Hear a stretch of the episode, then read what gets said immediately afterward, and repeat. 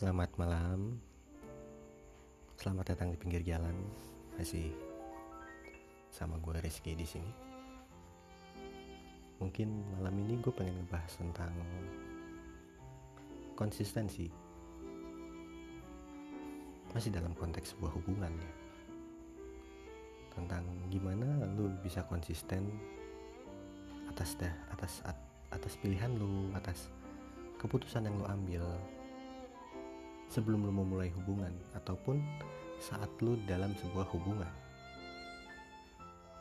Karena gue baru baru baru aja dapat cerita dari temen gue di mana dia memilih untuk bersama seorang laki-laki. Dan perlu gue jelaskan sebelumnya ini temen gue perempuan. Dia memilih untuk berjuang bersama laki-laki untuk terus bersama untuk memperjuangkan seorang laki-laki untuk menaruh hatinya pada seorang laki-laki yang yang si laki-laki ini sebelumnya pernah bilang kalau hubungan mereka mungkin tidak akan bertahan lama. Jadi dia minta buat ke temen gue untuk tidak berharap apa-apa. Dan dengan kondisi yang kondisi yang seperti itu gue rasa akan banyak banyak perempuan-perempuan perempuan-perempuan lain yang mundur. Menurut gue loh ya dari dari sudut pandang seorang laki-laki. Tapi enggak temen gue tetap bertahan walau pasangannya nampak mulai sedikit dingin sedikit menjauh menghindar. Temen gue tetap konsisten dengan pilihannya walau dengan rintangan seperti itu dia tetap menjaga hatinya untuk si laki-laki tersebut. Dan nggak sedikit nggak sedikit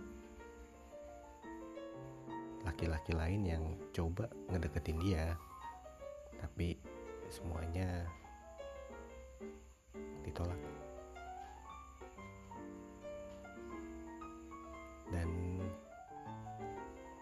syukurnya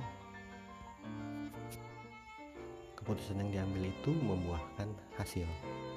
Si laki-laki ini mulai membalas perhatian teman gua mulai membuka dirinya mulai membuka hatinya dan membiarkan teman gua masuk.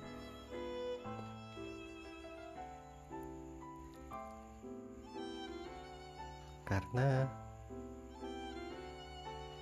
dua orang ini sama-sama pernah terluka. Sama-sama pernah tersakiti. Dan mungkin mungkin mungkin loh ini ya. Mungkin hati mereka sama-sama pernah mati. Dan baru hidup saat mereka berdua bertemu. Ada rasa kenyamanan yang tidak bisa didapatkan dari orang lain dan alasan si cowok ini ngomong hubungan mereka nggak bisa nggak bisa lama dan meminta temen gue untuk tidak berharap apa-apa karena ada faktor dari luar dari luar yang mengharuskan yang masih mungkin sih yang mungkin mengharuskan kalau si pria ini untuk pergi. Pergi dari dari lingkungan. Ya belak-belakan aja lah dari negara tersebut. Ya kan? Dan tapi teman gue ini masih terus memperjuangkan biar ayolah kita berjuang sama-sama ayolah. Jangan seperti ini gitu. Jangan jangan menjauh dan jangan mendingin. Mendingin bahasa apa itu mendingin ya dan jangan menjadi dingin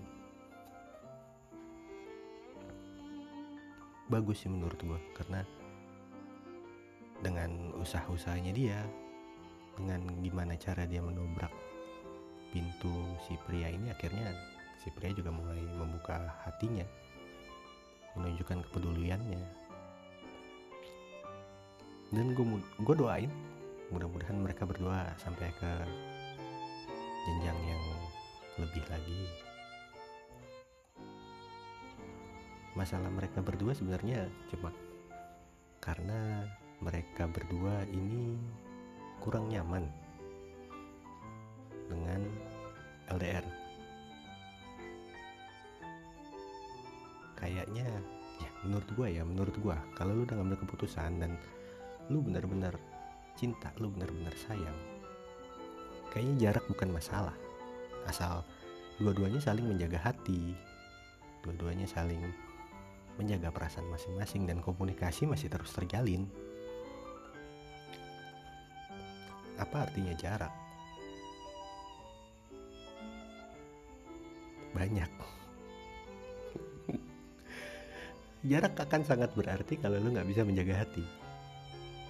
Dan karena dua orang ini yang dua orang ini yang sama-sama pernah tersakiti dua orang ini sama-sama pernah terluka gue rasa gue rasa dan gue pikir dan gue masih gue yakini saat ini kalau nggak ada nggak akan ada orang yang pernah tersakiti oleh pasangannya dan mereka berpisah dalam rasa sakit.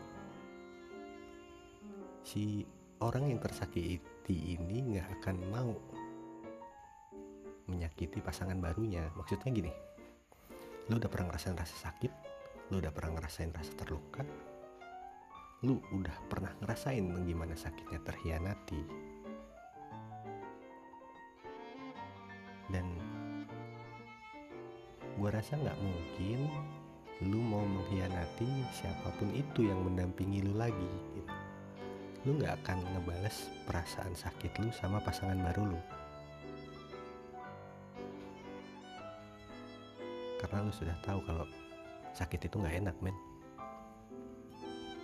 ya mungkin ada di luar sana satu atau dua orang yang membalaskan rasa sakit hati mereka terhadap pasangan lama ke pasangan barunya. Ya mungkin ada. Mungkin ada yang yang yang membuka hati seseorang hanya untuk meninggalkan luka lalu pergi meninggalkan. Ya mungkin ada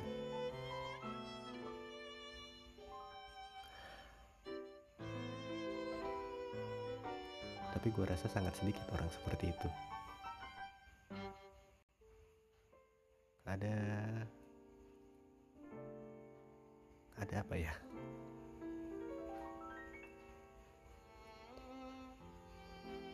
Ada sebagai manusia loh sebagai manusia gue rasa ada perasaan tidak ingin disakiti maupun tidak ingin menyakiti.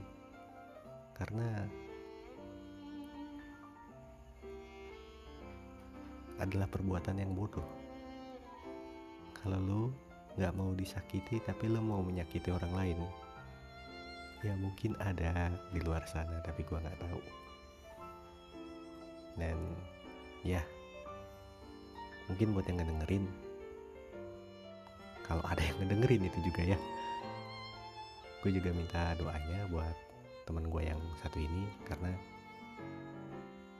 karena kayak yang kemarin gue bilang ketika hati lu terlalu sering disakiti maka dia akan mati dan tidak berfungsi lagi. Dan ketika hati seorang manusia mati, akan butuh waktu lama untuk menghidupkannya kembali. Mungkin gak cukup satu, dua, tiga tahun, mungkin butuh satu dekade lebih.